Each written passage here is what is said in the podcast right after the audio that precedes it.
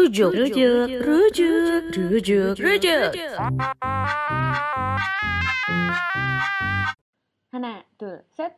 Rujuk, ruang sejuk ngobrolin keberagaman. Anyong, Lydia di sini untuk menemani pendengar semuanya di akhir pekan ngobrolin keberagaman. Mulai dari isu agama, isu keyakinan, gender, seksualitas, hingga isu media. Tentu aja dikemas dengan sederhana supaya mudah diikuti oleh semua orang. Jangan ke mana-mana ya, stay tune.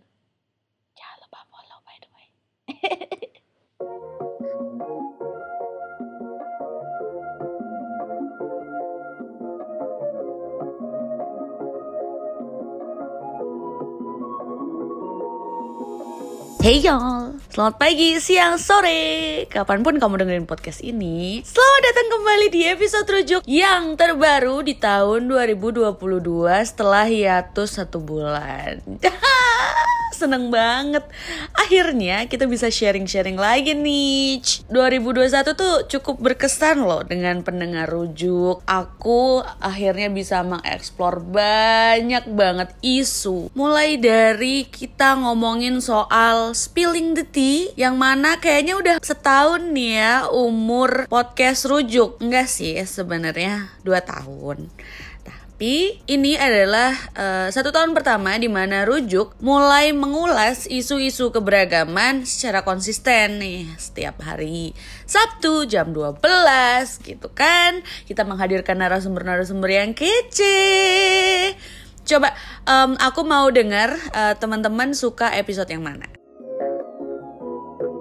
Kita tuh nggak cuma bahas soal um, bagaimana sih kita harusnya melindungi data pribadi korban gitu ya. Tapi kita juga sharing banyak hal mulai dari sharing bagaimana cara donor mata melalui komunitas Ahmadiyah, kemudian gimana sih rasanya jadi queer muslim di Indonesia gitu kan. Kemudian juga ada lagi kita ngomongin soal ateisme, sebuah isu yang sangat-sangat bombastis, ceder ceder ceder yang kayaknya orang tuh tabu gitu mau ngomongin ateisme gitu ya. Kan kita dikit-dikit ateis awas ateis gitu. Padahal esensinya apa sih ateis? Kalian bisa rewind lagi ke podcast rasanya jadi ateis. Kenapa sih jadi ateis emangnya? Nggak cuma itu kita juga ngobrol sama temen-temen Yahudi gimana sih Yahudi itu, kenapa konfliknya terjadi gitu kan, supaya kita nih nggak terus-terusan menyalahkan dikit-dikit Yahudi, dikit-dikit Yahudi, bahkan dijadiin bercandaan which is nggak lucu. Kita juga mengawal isu Rohingya yang waktu itu ada kudeta Aung San Suu Kyi. Kemudian juga kita ngomongin bagaimana sih kalau perempuan masturbasi, terus HIV AIDS, bagaimana frekuensi publik kita itu dikuasai oleh korporat dengan tayangan-tayangannya yang gak mendidik banget banget banget. Kita juga ketemu sama K-popers yang peduli terhadap korban kekerasan seksual. Wah ini aneh banget gak sih? nggak aneh sih. Wah ini tuh mm, sebuah perpaduan yang kita nggak akan menduga nih K-popers akan fokus pada isu kekerasan seksual mungkin kita akan ngiranya iya K-popers mah ngurusin idolnya aja nggak akan ngurusin yang lain. Mereka mah udah terbutakan oleh idolnya. Nggak sayang. Nggak. Oh so sweet. Di bulan Juni kita juga punya Pride Month loh ngomongin love is love. Bagaimana sih um, LGBT itu sebenarnya gak maunya kau maunya nggak kawin kok. LGBT tuh gak mau kawin. LGBT tuh maunya ya hak hidup setara Nah, teman-teman harus rewind lagi nih untuk mendengarkan Month Love is Love bersama dengan Noval Auliadi. Di 19 Juni 2021 lumayan juga um, aku inget juga waktu itu aku ngobrol soal orang-orang yang ngerti agama tapi tuh sukanya nyudutin perempuan gitu, sukanya melaknat perempuan, sukanya menggunakan hadis hadis-hadis atau ayat-ayat untuk mengatur tubuh perempuan gitu. Uh, kesel banget kalau diinget-inget. Apalagi nih buat orang-orang yang um, sampai saat ini masih menggunakan kisah Lut, terus Sodom Gomora gitu ya, ngomongin soal LGBT gitu. Padahal nih di podcast kita ada nih ajaran Kristen yang sebenarnya nggak homofobik loh sebenarnya itu justru menerima gitu nggak cuma itu kita juga mengulik kenapa sih kok media tuh clickbaitnya banyak banget gitu ya dari kayaknya dari aku mulai mengerti isu keberagaman gitu ya sampai sekarang aku tuh selalu menemukan satu berita, setidaknya satu berita yang clickbaitnya tuh parah parah parah banget dan sangat-sangat merugikan kelompok minoritas. Nggak lupa ya, nama baik kampus, nama baik lembaga, nama baik keluarga itu masih menjadi isu hingga saat ini dan ya mau sampai kapan sih kita tuh peduliin nama baik, nama baik, nama baik gitu loh. Padahal ya kalau ada korban kekerasan di dalam lembaga kamu, di dalam institusi kamu itu seharusnya dipulihkan gitu. Kita harusnya berpihak sama korban, bukannya malah menyembunyikan, memendam, membungkam korban demi nama baik gitu. Uh ini dibarengi dengan luncurnya Permendikbudristek nomor 30 tentang penanganan dan pencegahan kekerasan seksual di perguruan tinggi. Wah, lumayan banget loh. Kalau kita rewind-rewind nih 2021 nggak terlalu buruk. Kita juga belajar tentang jurnalisme keberagaman, kemudian um, kita juga uh, sebagai reminder kita harus tetap bersolidaritas dengan Afghanistan gitu ya. Terutama dengan uh, refugee-refugee lain gitu.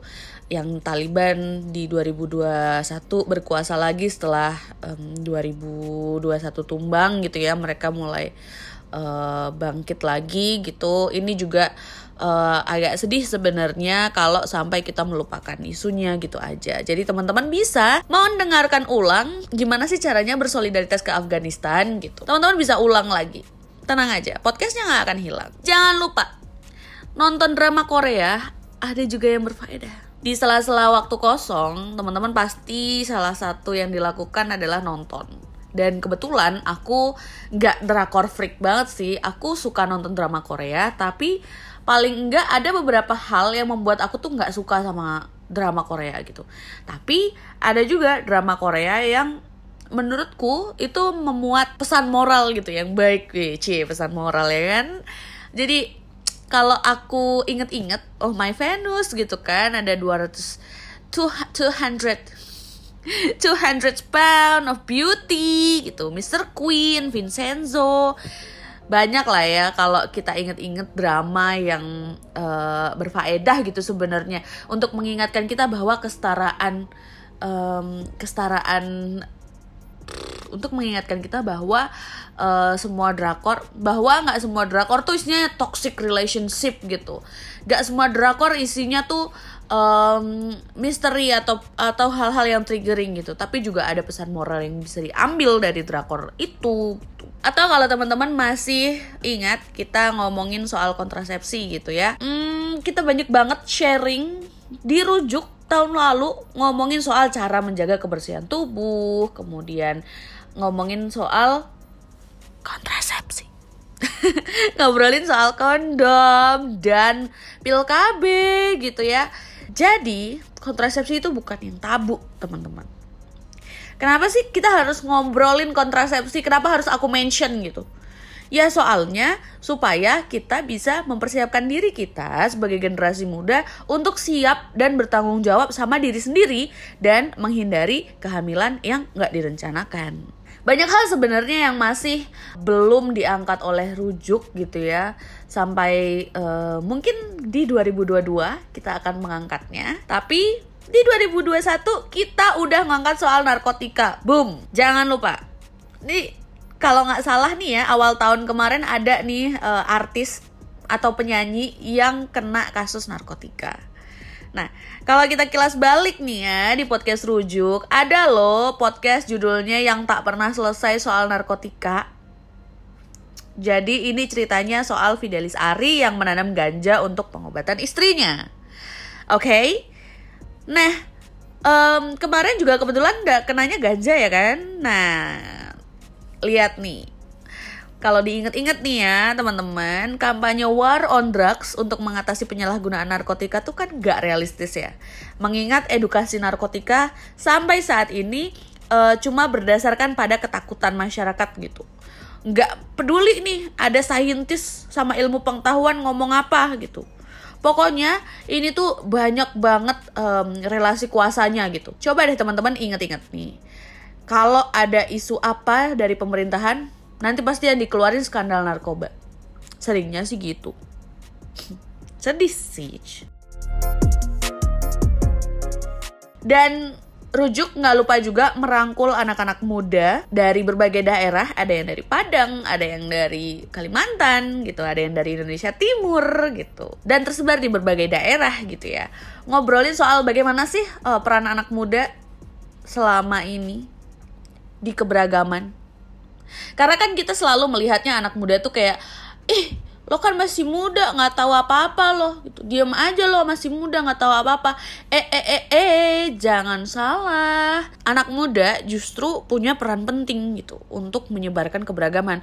Kok bisa? Ya karena sekarang kan kita berjuangnya di medsos juga ya. Sementara yang menguasai medsos anak muda. Kalau misalnya satu akun aja ngobrolin soal isu keberagaman, nge-share podcast rujuk, dan dia punya 50 followers, bisa jadi isu atau podcast yang di-share itu punya 50 pendengar. Ini bukan mau cari cloud atau mau cari traffic ya, tapi uh, realistis gitu loh. Kalau misalnya anak muda, anak muda kan sekarang gampang banget nih nge-share informasi yang sudah terverifikasi nih. Tinggal di-share aja lagi, di-share ulang, di-share ulang sampai semua orang tahu. Akan lebih gampang kan?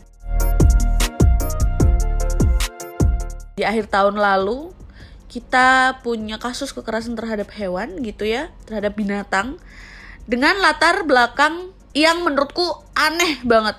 Aneh. Aneh banget. Agama di Aceh ada seekor anjing yang dibunuh dengan cara diracun karena ada anggapan kalau anjing itu haram. Dan besar banget jadinya sentimen terhadap non-Islam. Karena mayoritas yang memelihara anjing itu biasanya non-Islam. Meskipun ada juga ya uh, orang Islam yang memelihara anjing gitu. Padahal di Turki dan di Mekah anjing tuh bebas gitu loh berkeliaran. Dan nggak bikin orang tuh khawatir kayak ih awas najis, ih awas gigit, ih awas ngejar gitu. Enggak. Dan um, di Indonesia juga punya Ibu Hesti Sutrisno, um, seorang perempuan bercadar yang memelihara puluhan anjing terlantar. Tuh, seorang perempuan bercadar itu bisa memelihara hewan sebagaimana mestinya gitu. Masa kita harus mukul kalau misalnya anjingnya nakal? Masih kita dikit-dikit harus melakukan menggunakan kekerasan gitu? Kalau ke hewan aja kita melakukan kekerasan gitu ya apalagi nanti ke manusia yang tidak sesuai dengan identitas kita jangan sampai ada kekerasan lain yang menyusul setelah Canon Canon uh, cukup Canon yang menjadi gong ya teman-teman untuk menyadarkan kita bahwa kekerasan terhadap siapa pun dan apa pun itu tidak diperbolehkan.